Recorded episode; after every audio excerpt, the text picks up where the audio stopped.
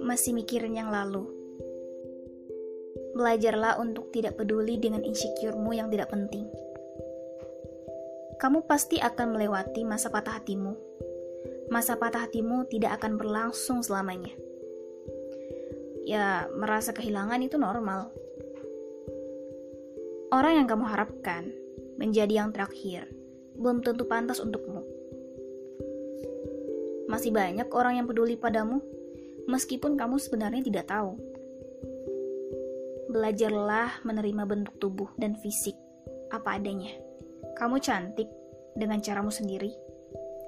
Semuanya memiliki keindahan, tetapi tidak semua orang melihatnya. Orang tuamu khawatir berlebihan karena takut kamu terjerumus ke dalam hal yang buruk. Kesehatan mental itu penting. Kamu tidak akan selalu merasa sendirian, seperti apa yang kamu kira. Karena sejatinya, ada orang yang selalu ada untukmu.